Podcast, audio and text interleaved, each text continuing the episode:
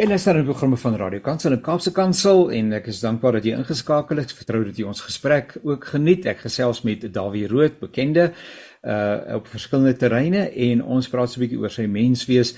Maar nou wil ek saam met hom, nee nee, ek wil nou net in die gees saam met hom gaan bergklim. Ek dink nie ek het uh, so avontuurlustig soos wat Dawie is nie, Dawie, maar toe besluit jy nou jy gaan Kilimanjaro gaan jy nou bestyg, uitklim. Vertel 'n bietjie van uh die die die uh, hoe die ding op jou pad gekom het. Was dit 'n lewenslange droom of uh, op 'n dag toe dag iemand jou uit en toe sê ek laat my uit dan.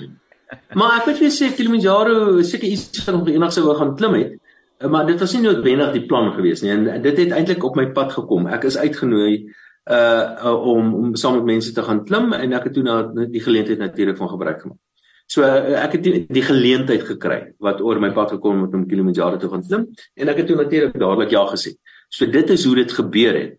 Maar uh, maar eh, so, so dit is nou daar was 'n paar ander sulke geleenthede ook in my lewe, 'n geleentheid wat ek ook aangegryp het en dit was nooit die plan noodwendig nie. Ek het byvoorbeeld saam met my kollega het ons 'n klompie jare terug 'n maraton gehardloop oor 'n gevriesde meer in die middel van die winter in Siberië.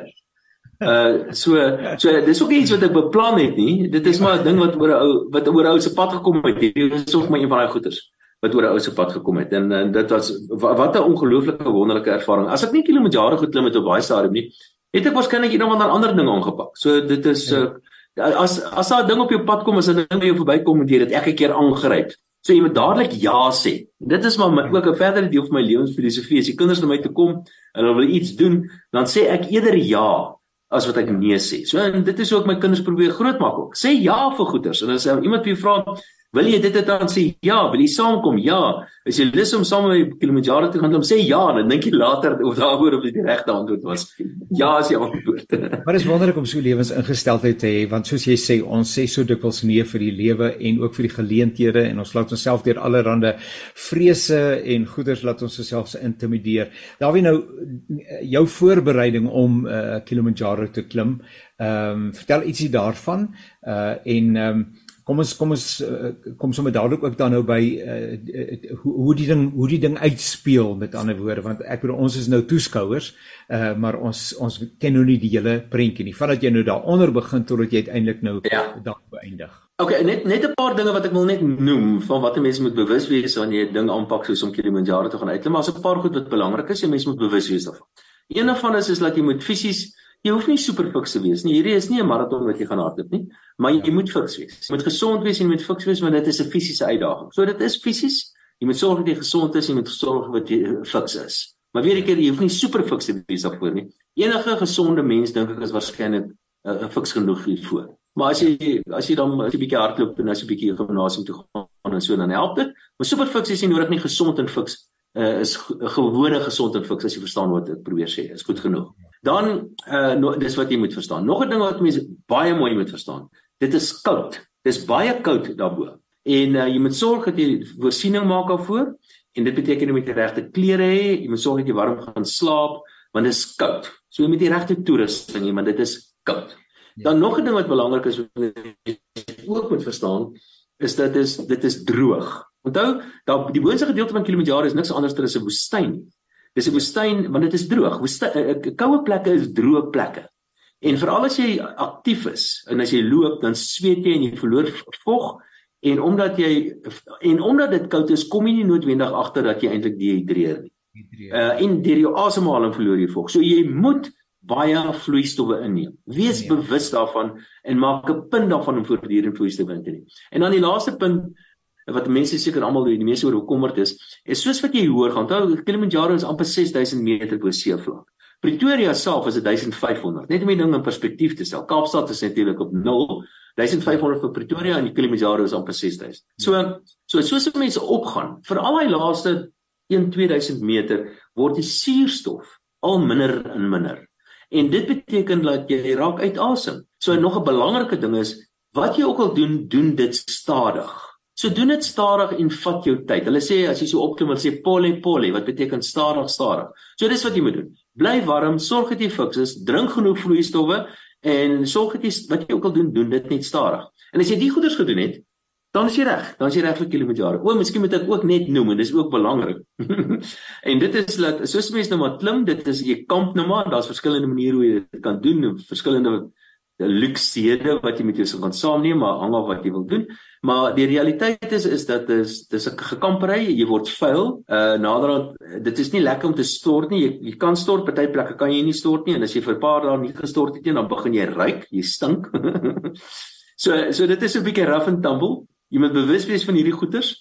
As jy natuur roep, moet jy maar moet jy maar op natuurlike manier moet jy maar moet jy maar bereid wees om al hierdie goeters te doen. En ek was saam met 'n groepie mense gewees En in die begin is almal nou maar redelik beskaafd en is dit die regte woord?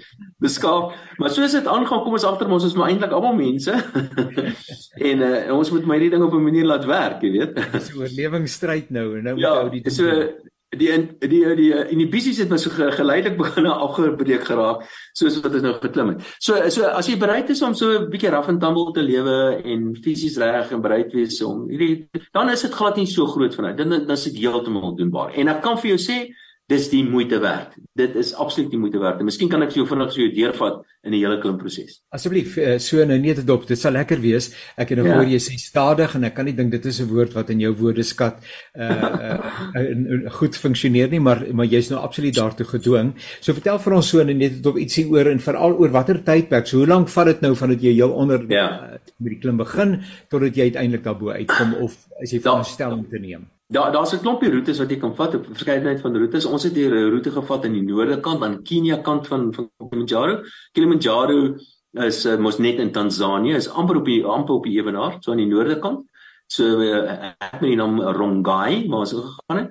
En dan begin jy nou met jou stap. Uh, dit vat so 5 dae om bo te kom. So jy begin nou met 'n stap en jou eerste dag is letterlik in 'n in 'n reën oerwoud. Dit is pragtig mooi. Moet hierdie kolobus uh, ape en die wonderlikste groot bome en dit is dis 'n wild oerwoud. Ja ja. Loop jy in die eerste dag en dan sommer die eerste aand as jy nou die eerste dag as jy nou deur die oerwoud soos jy geklim het en dan slaap jy nou die eerste aand is nou nog dis nie koud nog nie dis nog heel aangenaam en so dis glad nie 'n probleem nie en dan klim jy nou so rofweg 1000 meter per dag party daar klim jy bietjie minder en dag 3 kom jy by 'n plek uit en nou begin dit al baie koud te word.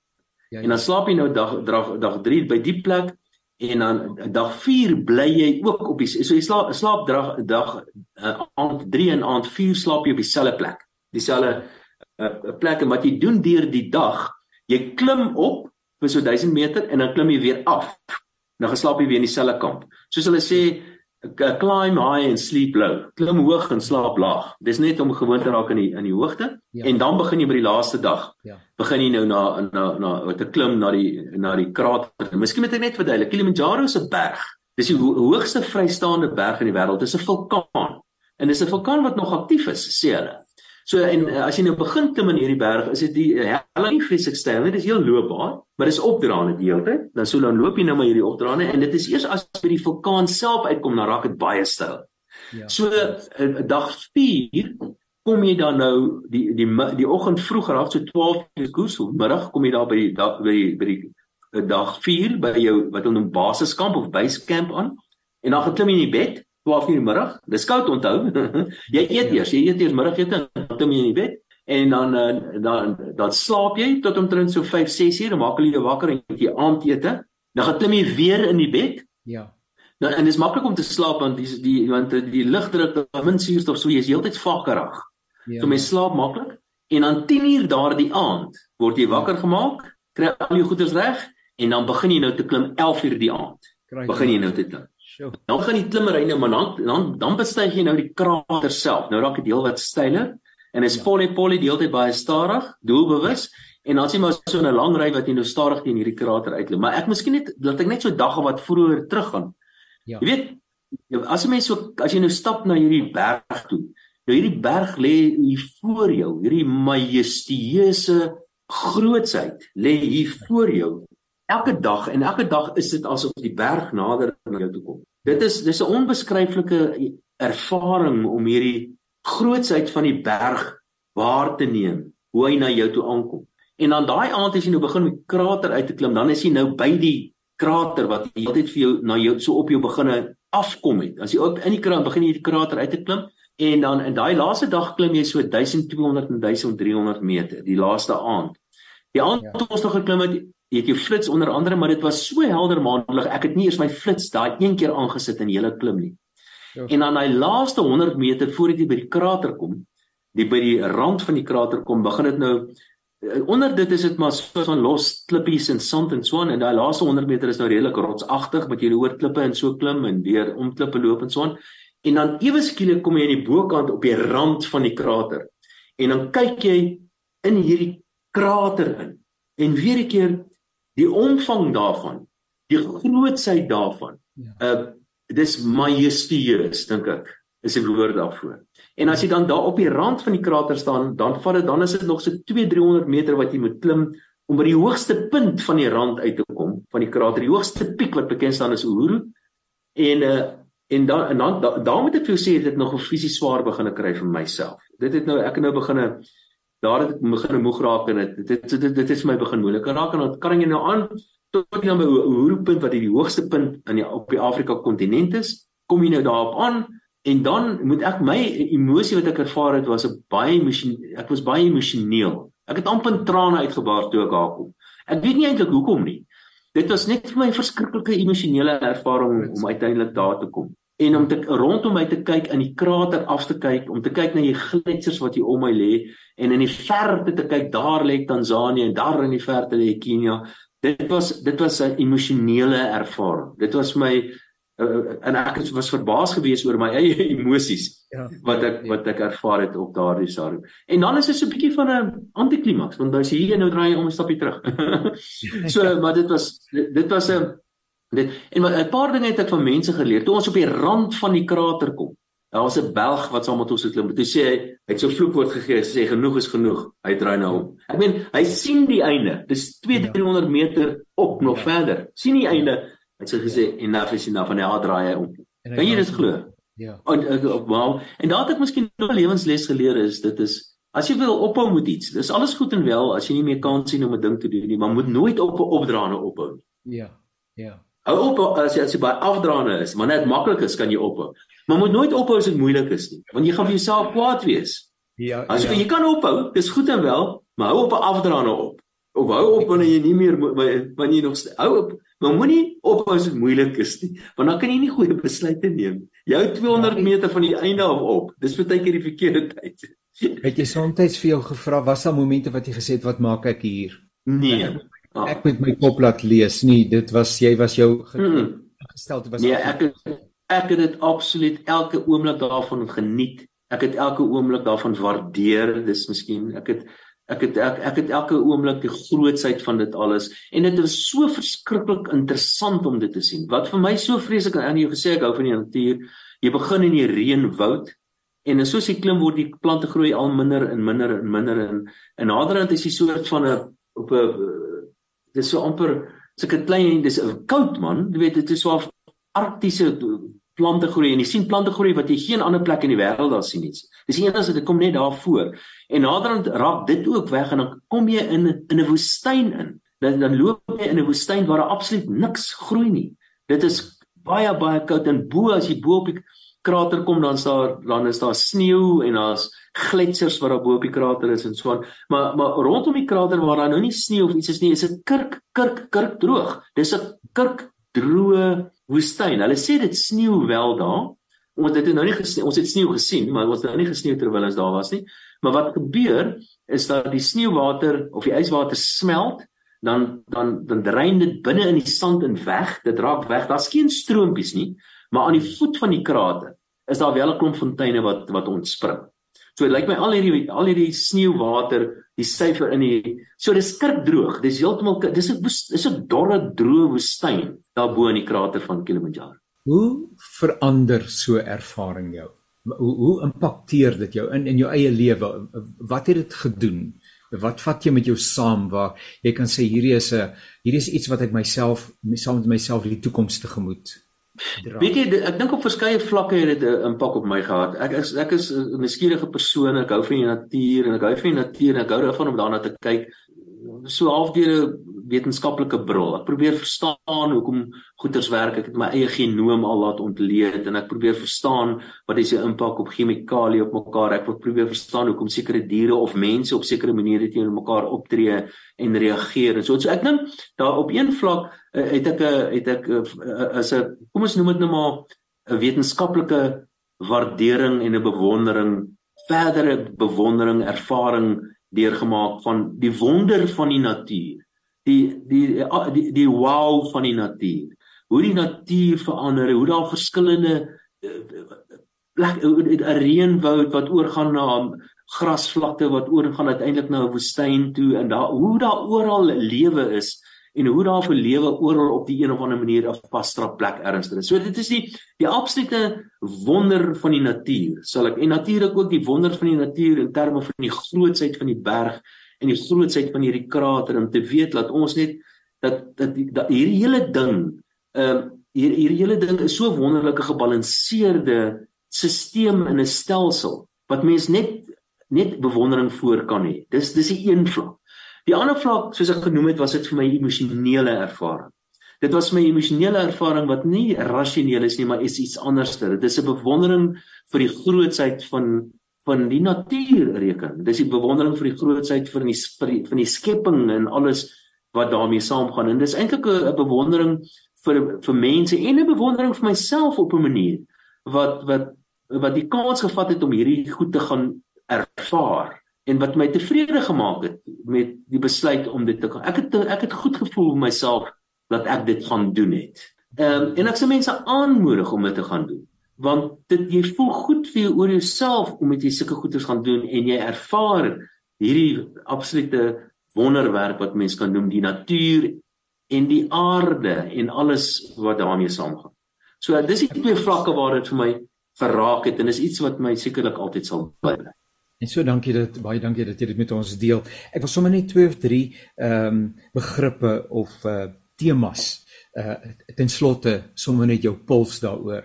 Uh en, en die eerste een is teleurstelling. Ja, weet jy, ek was al baie teleurgestel in myself. My grootste teleurstellings in die lewe was oor baie goeders wat ek verkeerd gedoen het. Maar my grootste teleurstelling in die lewe was wat groter teleurstellings was as goeders wat ek kans gehad het om te doen en nie gedoen het nie. Dit was vir my 'n baie baie en ek kan 'n klomp bly 'n klomp goeders dink. En uh, miskien moet ek nie alles met jou deel nie. Maar maar ek is ja. baie meer spyt oor goeders wat ek nie gedoen het nie as goeders wat ek wel gedoen het. So ehm um, en dan as jy dan nou maar daar's ook goed wat ek gedoen het en dan veral in finansiële markte het ek baie keer finansiële posisies geneem as jy jonk en voorvarend is, dan weet jy mos alles en jy weet mos jy jy slim is in die markte en dan vat jy finansiële kans op die markte en ek het al Jette Janie, ek het eendag soveel geld gemaak, ek weet nie wat om met al die geld te doen en die volgende dag het ek al die geld verloor en nog meer. Jy weet dan dan vra jy dan vra jy vir jouself, hoekom het ek dit gedoen? Hoekom dan jy so teleurstelling in jouself en jy's kwaad vir jouself dat jy En tot ek eendag besef het, maar toe ek daardie besluite geneem het op daardie stadium, het ek gedink dit was die regte ding. Ek het ons nog nooit 'n besluit geneem om myself te benadeel nie. En ek dink nie jy kan jouself vir ewig verwyd vir goeders nie. Want op daardie stadium was dit die regte besluit. En ewen op daai manier, op daardie manier maak ek nogal maklik vrede met foute en verkeerde besluite wat ek in die verlede geneem het. Want op daardie it sound like a good idea at the time. Nee nee, dit was nie noodwendig die regte besluit op daar uh, gewees nie, maar op daardie stadium dink ek het die regte besluit geneem. So my grootste uh, teleurstelling is die goed wat ek nie gedoen het nie, en die goed wat ek wel gedoen het wat verkeerd was, maak ek vrede mee, want op daardie stadium het dit het gelei tot die regte besluit.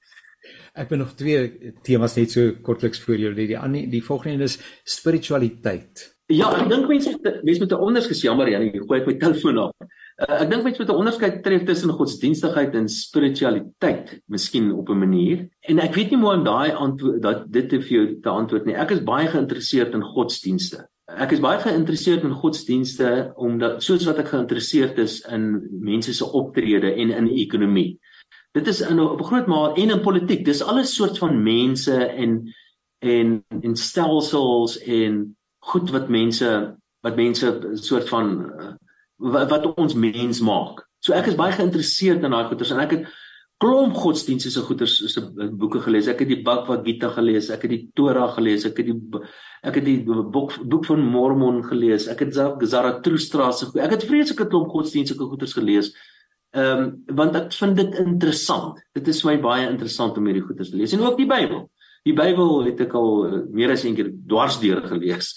Ehm um, en uh, so ek vind en en ek vind godsdienste interessant, dink ek maar ek sou myself miskien meer 'n spirituele wese noem, 'n spirituele wese op op 'n ander tipe van vlak en weer 'n keer wil ek dit vergelyk met die ekonomie en selfs met godsdiens.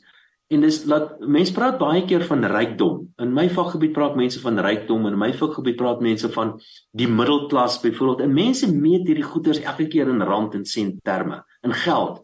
En ek dink dit is baie verkeerd, want ek dink nie 'n middelklas uh of dan nou rykdom is geld nie. Ek dink rykdom en 'n middelklas en selfs goed soos lewensstandaard en en selfs ekonomiese ontwikkeling, daai goed is eintlik iets anderster. En wat ek in my klein breintjie kon so ver kon vasstel is dat hierdie goeders bestaan uit twee dinge. Dit bestaan uit 'n ondersteuningsnetwerk en 'n ondersteuningsnetwerk is 'n klomp rolspelers. Dus die kerk speel 'n rol daarin, jou gemeenskap speel 'n rol daarin, jou jou rugbyklub speel 'n rol daarin, jou gimnasium, jou al die goeders en jou skool en jou werk, alles speel 'n rol daarin. So dit is jou ondersteuningsnetwerk en dit is krities belangrik vir ons almal. Ons het almal 'n ondersteuningsnetwerk nodig. Maar meer belangrik gaan eintlik oor jou waardestel. Mense het 'n sekere waardestel nodig. En hierdie waardestel dink ek vind mense ekko's van in in die heel meeste ander waardestelle. Jy vind dit in Hindoeïsme en in Boeddhisme en in die Christendom en jy vind dit selfs in sekere politieke ideologieë. En hierdie waardestel gaan oor goeder soos byvoorbeeld jy mag nie steel nie. En ek dink die enige grootste sonde is om te steel. Dit gaan nie net oor mense se goederes te steel nie, maar mense se vryheid te steel. Dis ook 'n sonde. Dit is dit is 'n sonde om iemand anders se lewe te steel. Dit is ook 'n sonde. En as en dit is vanuit 'n ekonomiese perspektief beteken dit jy moet eiendomsreg respekteer. Alle tipe van eiendomsreg. Uh en dis wat ook belangrik is vir ekonomiese vooruitgang en uiteindelik wat vir my op 'n manier 'n spirituele waarde het en dit is jy moet ander mense se goed respekteer en jy mag nie steel nie. So steel wat my betref op verskeie vlakke is daardie ding wat die die enkele grootste sonde. En as jy dit nie doen nie, dan dink ek gaan jy 'n suksesvolle dan sal jy 'n suksesvolle ekonomie hê, maar meer belangrik, 'n suksesvolle gemeenskap en 'n gelukkige gemeenskap en op die einde 'n ryk gemeenskap. Nie noodwendig in geldterme nie, maar in terme van al die ander goederes wat vir ons belangrik is. Dawie dan nou letterlik in, in 2 minute en daaroor jy sal sê maar dit kan 'n mens nie doen nie maar in die laaste 2 minute van ons saamkuier uh my derde tema is Suid-Afrika. Ja, daar's 'n lang storie wat ek daaroor kom. ja nee, daar's 'n lang storie oor hierdie ding. Kom ek vir jou sê, eh, ons weet almal van die probleme wat ons het. Ek moet vir jou sê ek is verskriklik verskriklik bekommerd oor Suid-Afrika. Hierso die goed is besig om uitmekaar uit te val op verskeie vlakke. Veral oor goeder soos hierdie waardestel. Ons het nie 'n waardestel nie in Suid-Afrika. Ons moet dit hê. Um, Anders gaan ons nie land hê nie. En op verskeie vlakke is ons besig om ons waardes te verloor. Ons moet ons waardes terugkry. So dit is ons besig om te te verloor van van 'n ekonomiese perspektief kan ek vir jou sê klomp goederes is besig om in baie te stort. En ek is bekommerd oor Suid-Afrika se toekoms. Daar's 'n paar goed wat nog baie goed werk. Goeder soos die howe werk nog goed, die pers werk nog goed. Uh maar die belangrikste is hier is nog baie goeie mense in Suid-Afrika. En dit dink ek is op die ou end wat belangrik gaan wees vir ons is dat ons moet ons moet ons moet ons ondersteuningsnetwerk in hou. En ons moet sorg ons betrokke raak by ons ondersteuningsnetwerk. Sluit aan by jou klub by jou kerk by jou gemeenskap by jou politieke party by enige ding en raak betrokke by jou gemeenskap want dis die sukses van 'n land gaan oor die individue op die ou end. En dit hang af van jou en my se betrokkenheid by alles en by jou en my se waardestel dis op die ou end wat Suid-Afrika gaan red maar daardie twee goed is besig om teen 'n baie ernstige tempo agteruit te gaan in Suid-Afrika en daaroor is ek baie bekommerd. My gas vandag was Dawie Rood. Dawie, dankie dat jy so lekker oopkop uh gesels en daar's soveel temas wat ek baie graag saam met jou verder sou wou uh sou wou ontwikkel en oor gesels, maar ons kry ook in ander programme met die geleentheid. Ons kuier gereeld saam en dit is my baie groot voorreg. Baie baie dankie seënwense. Uh ek het net iewers gesien jy is in elk geval besig met een of ander ding wat in die volgende week of 3 gebeur. Uh net net in 30 sekondes wat is wat nou voor oor oor 'n week oor 'n Ja, oor 'n week gaan ry ek in die tuliebloks tussen die olifante en die leeu's met my fiets, so vir so 4 dae en dan kort daarna het ek uit ek is 260 km fiets wedren en kort daarna het ek 160 km fiets wedren. So maar die die een binnekort is in die tulieblok ry ry tussen die wilde diere met my fiets. Ek sien vreeslik uit daarna. Geniet elke oomblik daarvan. Vriendelike groete aan jou pragtige gesin. Sterkte met al jou werksaamhede en uh, baie baie dankie dat jy by ons gekuier het. Waardeer dit opreg. Baie dankie aan jou Jannie, baie dankie. En daarmee ook luisteraars, dit was heerlik om saam julle te kuier en ook aan Zani wat vir ons die program fasiliteer het. Duisende duisende dankies. Tot 'n volgende keer alles wat mooi is. Baie baie welkom vir by nog 'n aflewering van uh, Naweek Aktueel. My naam is Janie Pelser en ek is so bly dat al ons radiokansel en Kaapse Kansel luisteraars aan boord is en lekker gaan saam luister. Ek vertrou dat jy 'n heerlike dag gehad het en uh, of het, nê? Nee?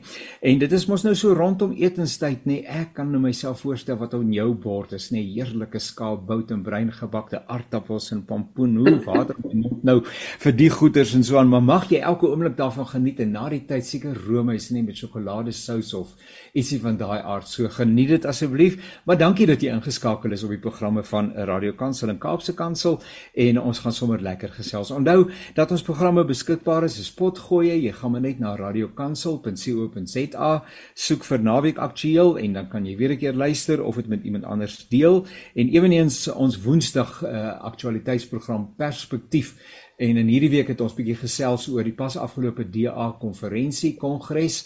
Dawie gaan dalk ietsie daaroor te sê iewers later want hy's 'n man met wye belangstelling. En uh, ons het 'n uh, bietjie gesels met uh, professor Pieter Dievenage en Gert van der Westhuizen en 'n uh, professor Tsikilelu 'n uh, breakfast. Ja, hy's nou professor, nê? Nee? Hy was altyd dokter en nou sê professor en 'n uh, baie interessante gesigspunte wat ook daar ter sprake gekom het ewenigs by radiokansel.co.za en jy soek vir perspektief se pot gooi. Nietemin, dankie dat jy ingeskakel is en dankie ook aan uh, Zani vir die fasilitering van hierdie program. Nou uh, my gas is Dawie Rood en ek weet as jy die naam hoor dan sê jy maar ek het die naam al baie keer gehoor. Miskien sukkel jy aanvanklik om dit binne konteks te plaas, waarskynlik nie. Jy hoor sommer dadelik finansies, rand en sent, inflasie en 'n hele klomp ander dinge daarmee saam. Maar dis 'n man met 'n wye belangstelling en uh, met 'n baie energieke lewensuitkyk en ek wil hom graag so 'n bietjie saam met julle leer ken want ek het nog net saam met hom gekuier in programme, maar ek het nog nooit kon agterkom wat agter die kap van die byl is nie. So miskien gaan die geheim vandag hier op die tafel kom. Nietemin Dawie, baie dankie dat jy tyd inruim om saam met ons te kuier. Dis dis 'n groot voorreg Janie, baie dankie. Ek is net jammer as jy agter die kap van die byl kom, gaan jy agterkom dat hierdie is maar net 'n 'n leë blik. maar baie dankie vir die uitnodiging.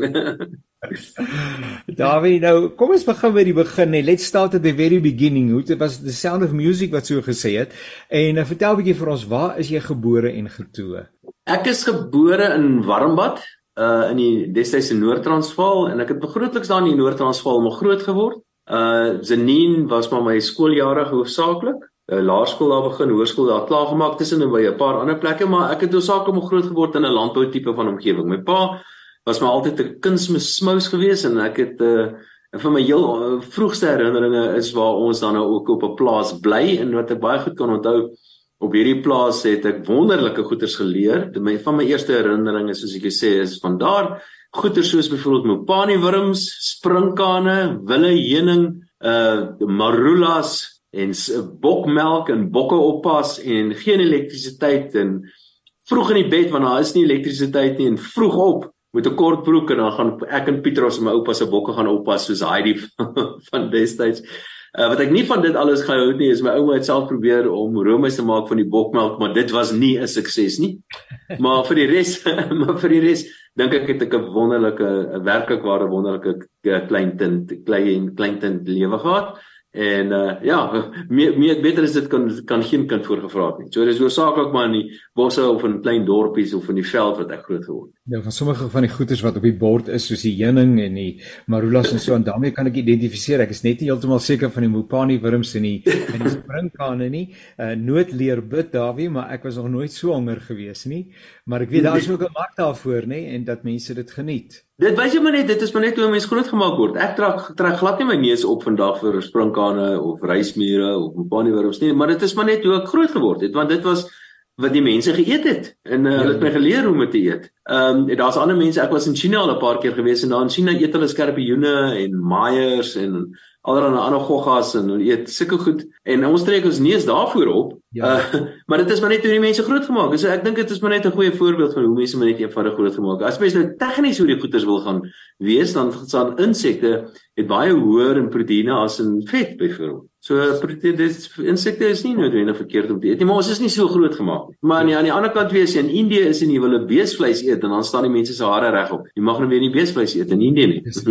ja, so konteks is baie baie belangrik, nê. Nee. Nou, so jy daar in Sanin het jy nou skool jou skoolloopbaan uh klaar gemaak in Sondawi en en en toe het jy nou natuurlik gaan verder studeer of iets van daardie aard. Waaroor het jy gedroom kleintyd? Uh wat gaan jy eendag wees nê? Nee? 'n Fire engine driver, 'n brandweer, 'n polisie man, 'n soldaat. Uh vandag se kinders praat van Spider-Man en uh, van uh, Captain America en al sulke goeders en so, maar waaroor het jy gedroom? Ek dink dit was net maar onvermydelik geweest weens die waar ek groot geword het en so dat dit iets met die natuur sou te doen gehad het. So ek dink my droom was maar iets gewees in die natuur. Ek wou veearts wil ek vreeslik geword het op 'n stadium. Uh of uh enigiets in die natuur. En ek moet vir jou sê op 'n manier het my droom waar geword want my dogter, ek het hulle altyd vertel van die natuur en van hoe dinge werk en so aan want uh, ek stel baie belang in die natuur.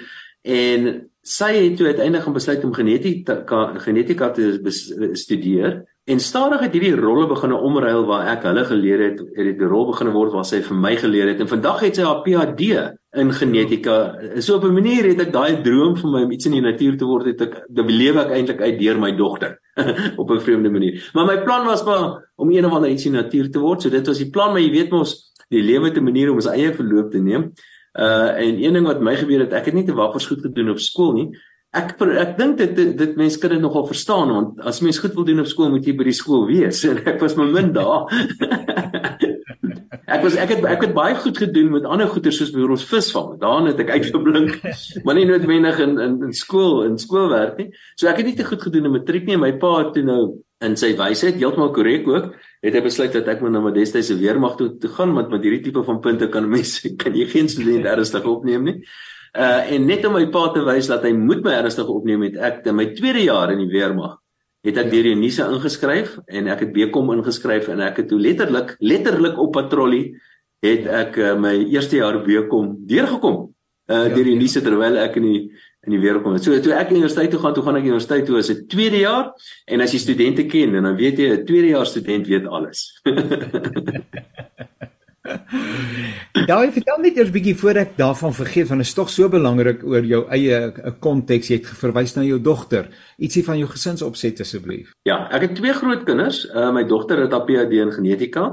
Uh hulle het geëmigreer. Hulle bly nou in Nederland en sy self het nou al twee klein twee klein seentjies. Die oudste, die jongste enetjie is nou so 3, 4 weke oud. Ek het hom nog nie gesien nie.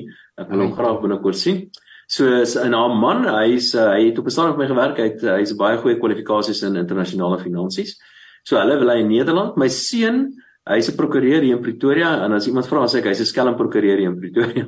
so hy's nou hy's nou 30 jaar oud en hy's pro uh, nee ag wat ek is baie trots op hom wat hy doen. En dan het ons twee kleintjies van 9 jaar oud, twee klein dogtertjies van 9 jaar oud. En ehm um, ja, hulle is my hartsepunt en ek en hulle ons het reeds net nou saam musiek gemaak. Hulle speel speel viool, die ander een speel saksofoon en ek speel ook saksofoon en so. So hulle is hulle is my my twee pensioenvretertjies en waarvoor ek natuurlik baie lief is. O, jy's nog 'n musikant en het 'n be, be, be, belangstelling in die musiek ook. Uh, saksofoon is so 'n merkwaardige instrument en ek is baie betrokke by die lof en aanbidding in ons gemeente en 'n saksofoon sal net al die verskil maak. So wat doen jy komende Sondag?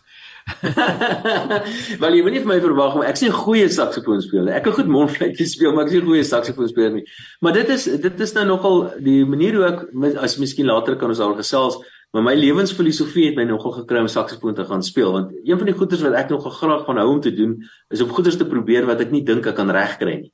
So dis my lewensfilosofie. Probeer goeders wat jy nie dink jy kan doen nie en dan gaan jy verbaas wees hoe jy jouself elke keer verras. En saksofoon was een van daai goed. Wat het aanduiding gegee? Ek gryp 'n bietjie vooruit na hierdie hierdie avontuurlustigheid by jou om dinge uit te daag wat andersins dalk uh, binne buite ou se gemaksone sou lê.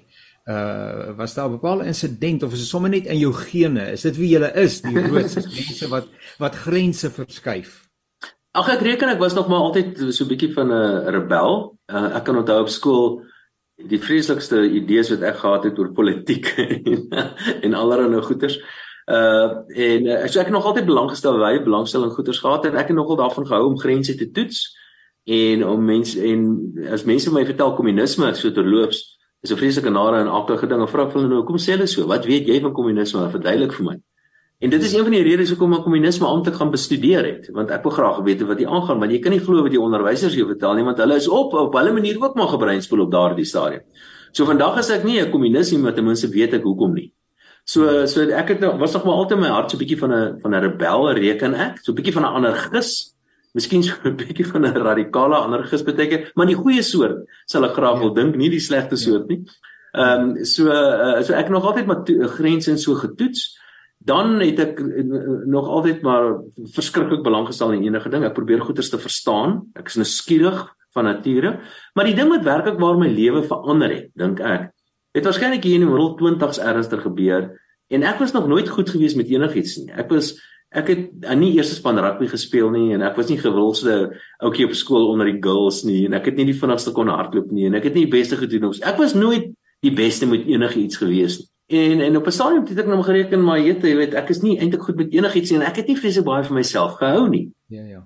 En toe op 'n stadium en ek dink nie dit was 'n geleentheid gewees nie. Alhoewel daar was wel 'n geleentheid bietjie later in my lewe, maar op 'n stadium het ek begin besef dat as ek nie vir myself gaan hou nie, dan gaan hierdie maar 'n lang storie wees en dit gaan nie lekker wees nie. Want as jy nie sê met jouself hou nie, moet jy myself met hierdie ou lewe vir die res van jou lewe Jy kan net sowel 'n plan maak om van hom te begin hou. En ek dink op 'n manier het ek my lewe daar begin verander en ek het vir myself begin hou. Nou bedoel, bedoel ek dit nie op 'n arrogante manier nie. Met my asseblief nie verkeerd ja. verstaan nie. Ja.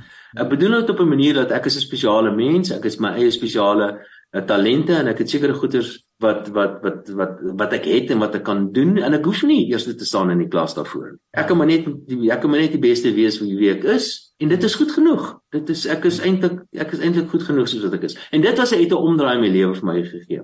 En en van toe af het ek al meer en meer dinge probeer doen, maar as ek dan nou goed genoeg is, hoe goed is ek nou eintlik? En toe het ek nou vreemde goeders begin doen. Ek het nou baie maratonne al gehardloop. Ek het Comrades gedoen. Ek het Eystermanne gedoen. Ek het ag 'n verskeidenheid vir ek het nasionale kleure in in 'n vliegsport en allerlei sulke goeders. En en uh ek, dit is maar net om en ek was nie een van al die beste in enigiets nie, maar ek was ek het dit gedoen. Uh en want ek het dit probeer. En dit is die les wat ek geleer het is dat uh, jy se verbaas wees wat jy kan regkry in die lewe as jy maar net iets gaan probeer. Gaan doen dit maar net. Saksofoon is jy is die nuutste ene.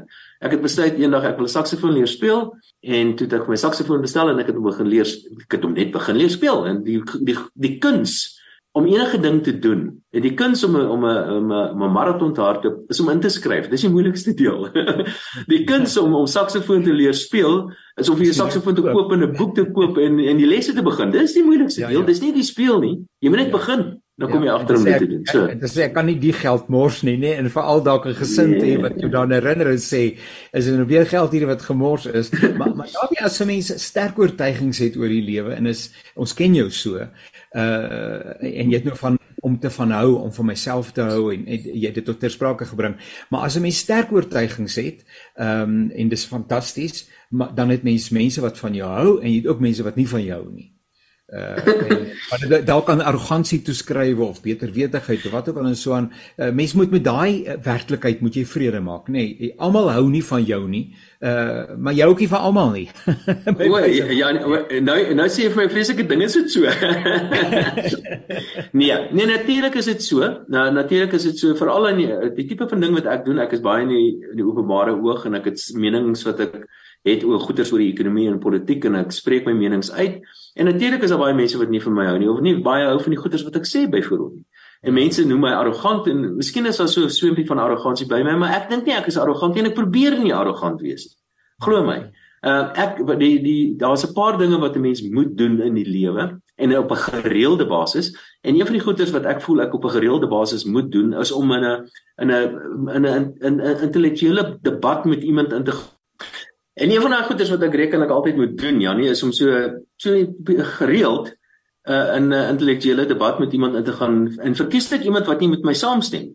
Want in die proses leer ek verskriklik baie. En ek ja, leer ja. vreeslik baie by ander mense wat nou al sekere gevolgtrekkings tot gekom het waartoe ek nou nog, nog nie gekom het nie. Maar ek moet vir jou sê, is laat seker soms moet ek is moet ek nou goeie sê oor byvoorbeeld monetêre beleid of fiskale beleid of politiek of een of ander ding van die ekonomie. En soms en ek weet dat mense neem baie keer besluit op die gebaseer op die goeders wat ek sê. So ek ek besef dat daar's nogal 'n verantwoordelikheid op my om om nie nonsens te praat nie. Ja. Uh, en wanneer dit kom by sulke tipe van goeders probeer ek regtig waar seker te maak dat ek ten minste goeie insig het in die goed wat ek oor praat. So wanneer ek goeders sê soos byvoorbeeld die Reserwebank het die regte besluit geneem deur rentekoerse te verhoog, Ja. Nou sal klomp mense wat my vreeslik kwaad is omdat ek dit gesê het, maar ek het daaroor ek het daaroor gelees en ek het daaroor gedink en ek is in my hart oortuig dat dit is die regte ding om te doen. So so ek ek probeer wanneer ek uh, veral wanneer ek en ek moet hom sê ek is baie keer so 'n bietjie moetswillig ook. Uh so baie keer sal ek nou nogal goed te sê op 'n manier wat nou 'n bietjie vreemd voorkom. Uh maar maar ek probeer ek, ek probeer regtig seker te maak dat die onderwerp waaroor ek myself nou uitspreek veral as dit nou op 'n een of ander openbare platform is dat dit dat ek namens 'n reëke goeie insig het in waaroor ek praat.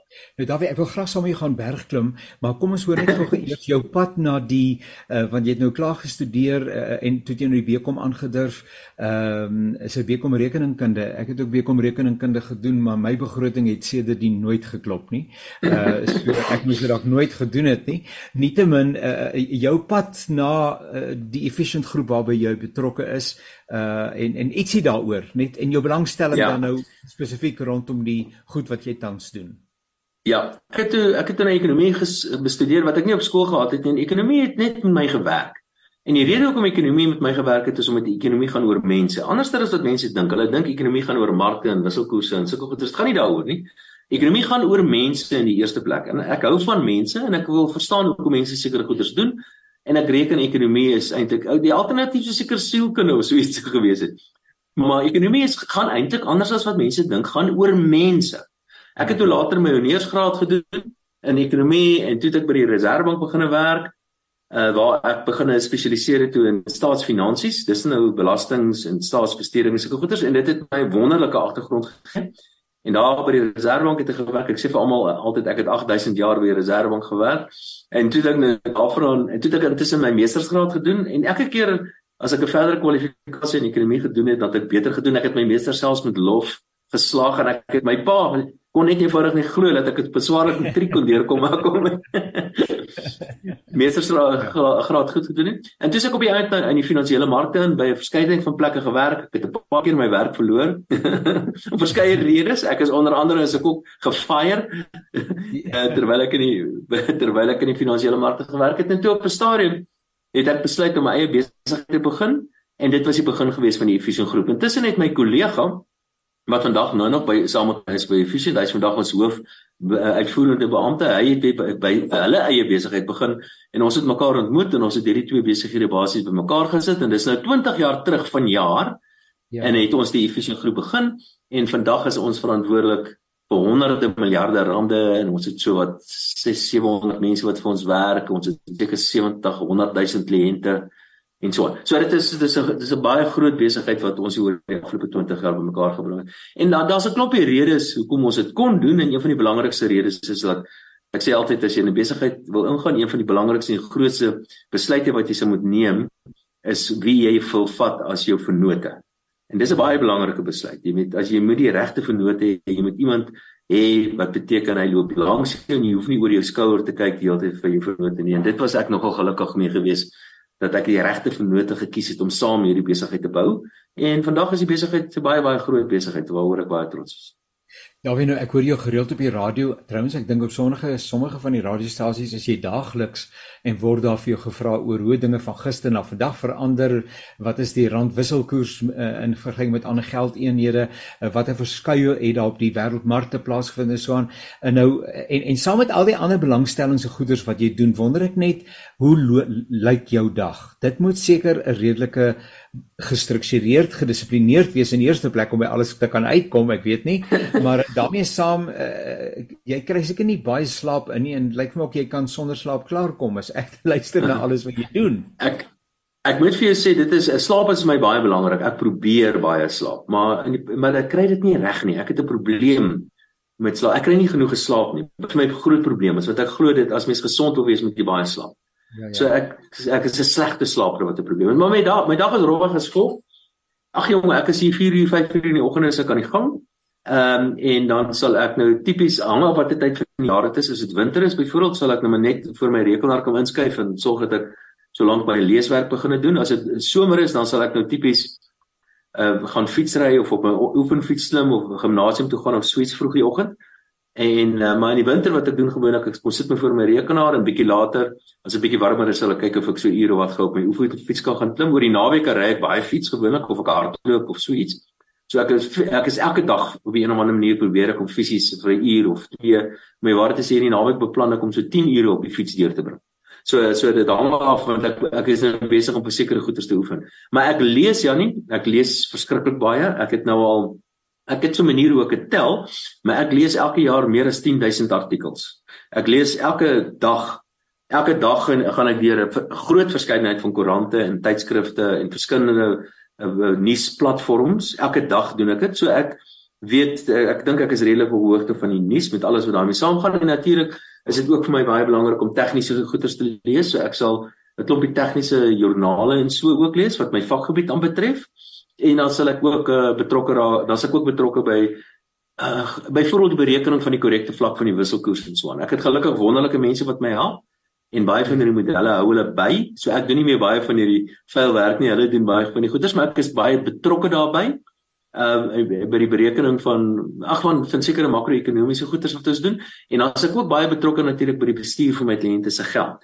So ek sit op 'n klomp beleggingskomitees wat ons het in die maatskappy en dan sal ons nou daarso in tipies wat my my funksie daar of my rol is om soort van 'n breër raamwerk vir die batebestuurders daar te stel. Ek sê vir hulle sê die olieprys gaan die en daai doen wat die oorlog in die Oekraïne gebeur dit en dat byvoorbeeld.